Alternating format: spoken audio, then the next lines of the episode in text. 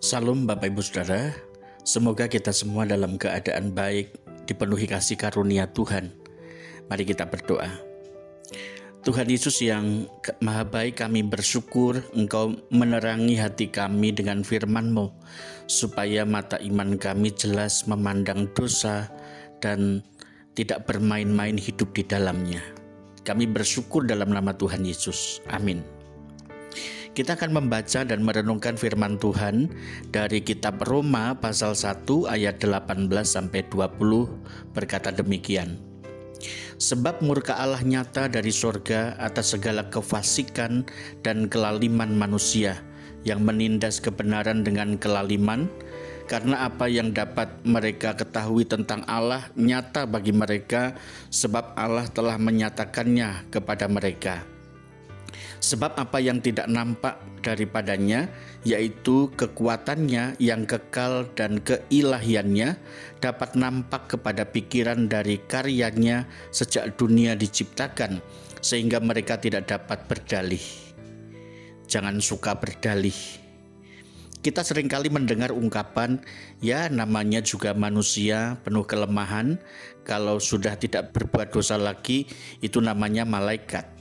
Ungkapan ini sering kita dengar apabila seseorang ketahuan melakukan kesalahan atau kejahatan kepada orang lain, dengan harapan kesalahannya itu akan dimaklumi dan menganggap wajar semua orang berbuat demikian.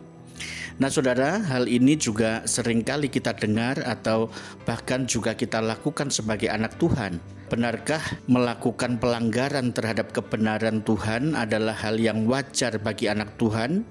Tentu saja ada sesuatu yang harus kita luruskan dari kebiasaan ini.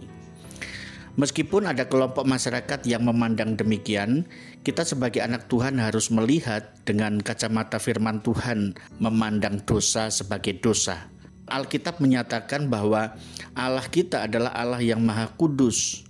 Kalau kita bandingkan dan membaca Imamat 20 ayat 7, 26, dan juga 1 Petrus 1 ayat 16. Dia tidak pernah kompromi terhadap dosa. Pelanggaran terhadap ketetapan Allah adalah melawan kekudusannya.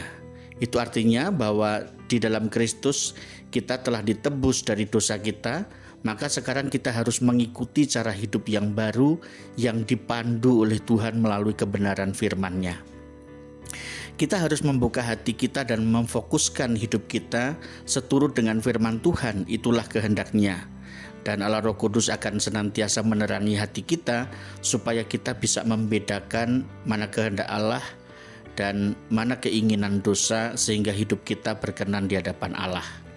Meskipun banyak orang menganggap dosa hanya masalah relasi dengan sesamanya dan kemudian menyelesaikannya dengan cara relasi horizontal saja, setelah dimaklumi dan dimaafkan mungkin dengan mudah akan melakukannya kembali atau mungkin dianggap tidak merugikan orang lain.